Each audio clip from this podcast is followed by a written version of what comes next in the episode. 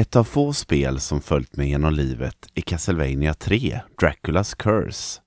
Det var det första spelet som jag på riktigt önskade mig och fick helt nytt. Det är också ett spel som skulle ta över 20 år för mig att klara. Så idag ska vi titta lite närmare på det tredje Castlevania-spelet och dess historia. För nu är det speldags!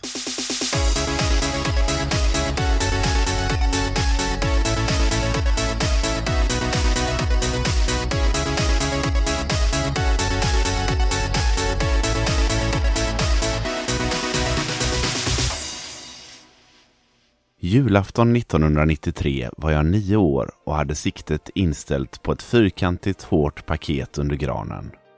Under hösten hade jag åtskilliga gånger sett ett nytt häftigt spel som visades upp på tvn i den lokala leksaksaffären. Och till min förtjusning så var det just det spelet som väntade på mig där under granen. Mina föräldrar hade tillsammans med min mormor och morfar gått ihop för att köpa Castlevania 3 Draculas Curse. Detta var första gången som jag hade önskat mig ett spel till bara mig själv. Det var också första och enda gången som jag fick ett helt nytt spel till Nintendo 8-bits. Under åren har jag tillsammans med Trevor Belmont försökt ta mig upp till slottet och besegra Dracula. Oftast med piraten Grant vid min sida. Men ibland har Alucard eller Syfa fått hänga med. Men det skulle dröja till hösten 2015 innan jag för första gången äntligen lyckades klara spelet och besegra Dracula.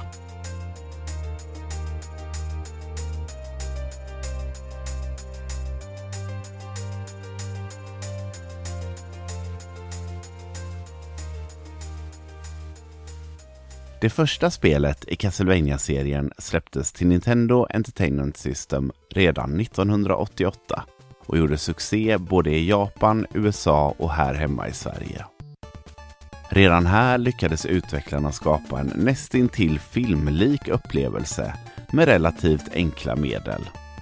Och det skulle inte dröja länge innan ivriga fans fick sätta tänderna i en uppföljare.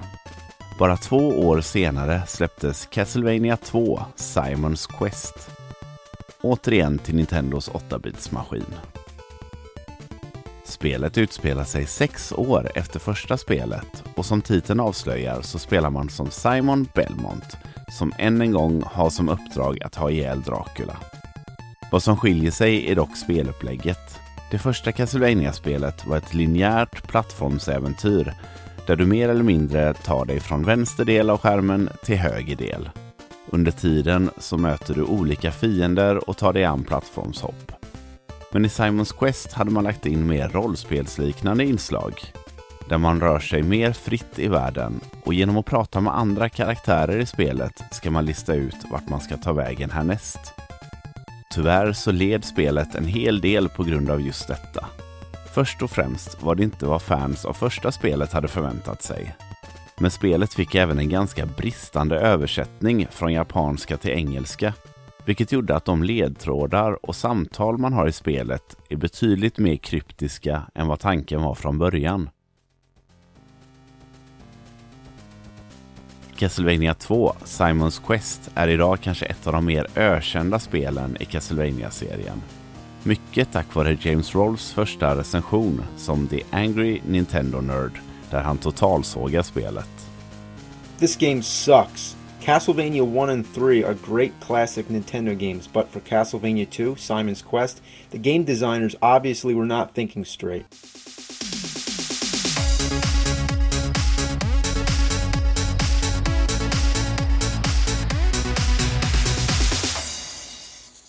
Så med Castlevania 3, Draculas Curse, vill man återgå till seriens rötter med mer linjära banor och mindre dialog. Samtidigt vill man inte göra en kopia av det första spelet, så tidigt i utvecklingen diskuterades olika förändringar som skulle ge spelet en egen känsla. En tidig idé var att spelaren vid spelets start skulle kunna välja mellan olika karaktärer som i sin tur hade olika egenskaper. Dessa karaktärsegenskaper skulle sedan göra att man tog sig fram genom banorna på olika sätt. Men tyvärr så kände teamet att det skulle bli för komplicerat och för tidskrävande med ett sådant upplägg. Så istället valde spelets regissör, Hitoshi Akamatsu, att man skulle spela som en huvudkaraktär från Belmont-familjen, men att man under spelets gång möter andra karaktärer som man kan ta med sig på resan. Akamatsu tyckte även att tanken om alternativa vägar var intressant. Men istället för att basera det på olika karaktärsegenskaper togs ett enklare beslut. Vid varje avslutad bana skulle spelaren ställas inför ett vägval utav två nya banor där endast en av vägarna gick att ta och spelaren skulle inte veta vad som väntade. Dessa två inslag hjälpte Draculas Curse att stå ut bland liknande spel i genren samt de två tidigare Castlevania-spelen. Detta var även det sista Castlevania-spelet som Akamatsu jobbade med. Hitoshi Akamatsu är lite av ett mysterium, men mycket tyder på att det är han som ligger bakom idén för det första Castlevania-spelet och även de två uppföljarna på NES. Akamatsu var en stor filmentusiast, framförallt skräckfilmer från den så kallade gyllene eran. Dracula, Frankenstein och The Mummy är alla filmer som inspirerade Akamatsu. Och utöver att Dracula är huvudantagonisten i dessa spel så dyker även fler andra monster från den här eran upp i trilogin. Med Castlevania ville Akamatsu skapa en filmliknande upplevelse och såg på spelen utifrån den vyn snarare än att bara göra ett nytt spel. Något som verkligen lyser igenom. En del av magin i Castlevania-spelen är just hur man med relativt enkla medel lyckas placera spelaren i en riktig värld av monster, slott och män med piskor. Efter Draculas Curse var färdigt flyttade Hitoshi Akamatsu till Konamis arkadavdelning där han bland annat jobbade på Asterix, ett beat'em up som släpptes i arkadhallarna 1992. Men efter detta har Akamatsu mer eller mindre försvunnit. Han verkar inte vara verksam inom tv-spelsindustrin längre och det finns väldigt lite info att hitta om mannen som står bakom en av de största tv-spelserierna någonsin.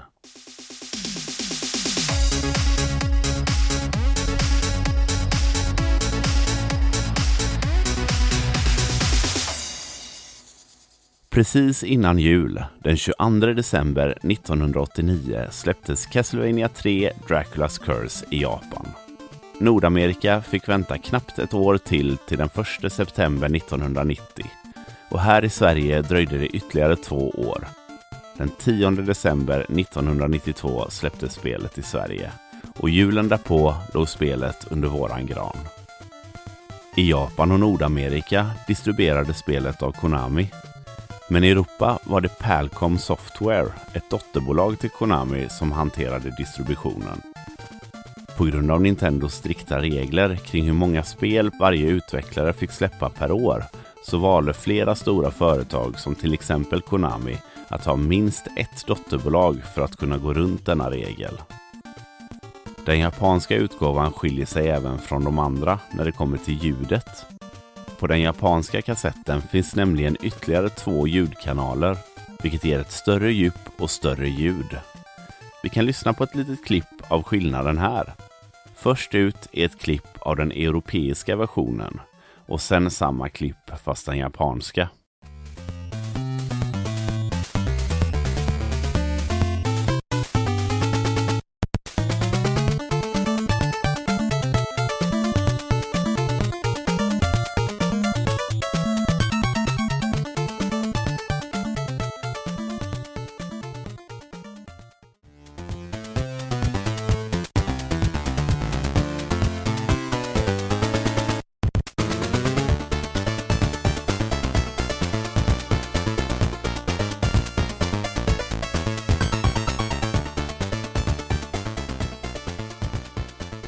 Som ni kanske hör så skiljer det sig ändå en hel del. Castlevania 3 Draculas Curse börjar med ett intro som är intatuerat i mitt minne. Det börjar med några enklare musiktoner och en film som spelas upp. På skärmen visas de perforerade sidorna för att ge känslan av något gammalt, precis i likhet med de gamla monsterfilmerna. Skärmen blixtrar till ett par gånger och avslöjar spelets titel. Härifrån kan man välja att starta sitt äventyr. Men om man väntar får man ta del av en kortare introtext som sätter tonen för spelet. During 15th century Europe, there lived a person named Dracula. He practiced sorcery in order to create a bad world filled with evil. He began taking over the continent of Europe, changing countries from good to bad. The good people of Europe tried to fight off Dracula, but no one was able to survive. Finally, the Belmont family was summoned to battle Dracula's vile forces. The Belmont family has a long history of fighting evil. The townspeople became afraid of the Belmont's superhuman power and asked them to leave the country. Fortunately, the people found a mighty Belmont called Trevor. The curse of Dracula has begun. The fate of Europe lies with Trevor. Redan här lyckas Akumatsu och hans team att skapa rätt atmosfär för spelet och efter det är vi igång. Till en början spelar vi som Trevor Belmont som beväpnad med sin piska tar sig fram genom de första banorna. Trots att Trevor är något stel att styra i de ibland snäva plattformshoppen så fungerar han ändå ganska bra som en allround-karaktär.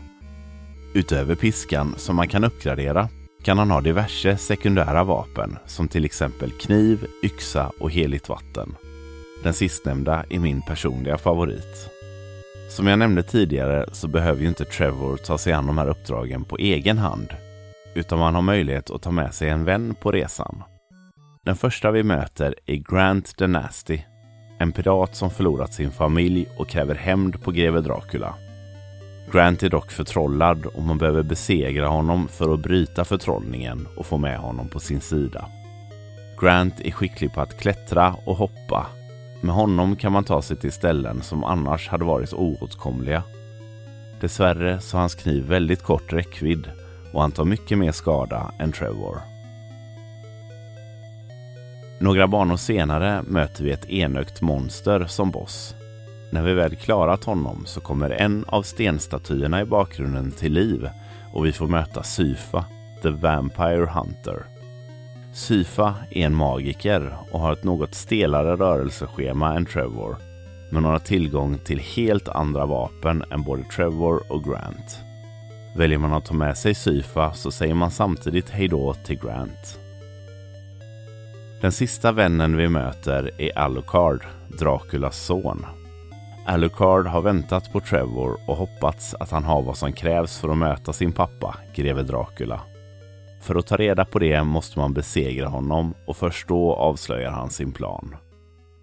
Alucard skjuter eld som sitt huvudvapen och precis som med Trevors piska så kan man uppgradera elden allt eftersom. Alucard kan även flyga som en fladdermus så länge man har hjärtan till det. Precis som tidigare måste man säga hejdå till den man har med sig om man väljer att byta till Alucard. När man väl valt att ta med sig en karaktär så byter man enkelt mellan Trevor och den andra personen genom att trycka på Select. Under spelets gång tar man sig igenom alla möjliga miljöer. Det är träsk, klocktorn, utomhusmiljöer och en rad olika slottsmiljöer. Knappt någon bana är den andra lik och varje bana stöds upp av det fantastiska soundtracket.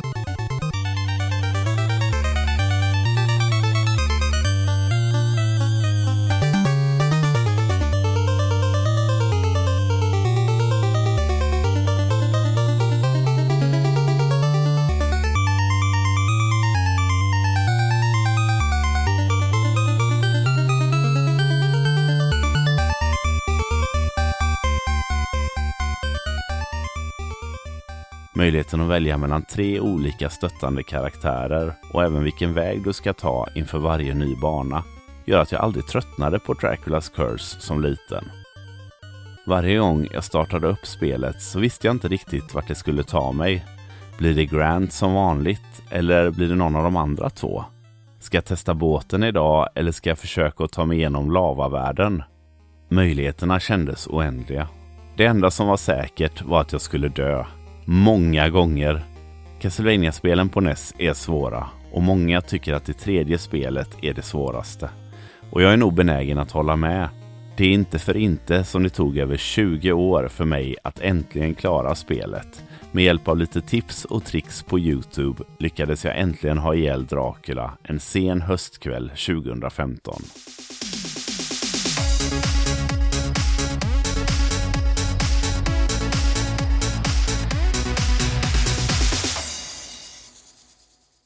För mig är Castlevania 3 Draculas Curse inte bara ett magiskt spel som jag trots mina många försök att klara det aldrig tröttnade på. Men det är även en tidskapsel med många underbara minnen där jag under min barndom antingen själv eller tillsammans med min bror eller mina vänner spelade detta episka spel. Att som barn på tidigt 90-tal starta igång ett spel och få en nästan filmlik introduktion gjorde att jag sögs in i spelet direkt och med ganska lite text så lyckades teamet bakom spelet kasta mig in i Castlevanias värld. Och en del av mig har nog aldrig lämnat den.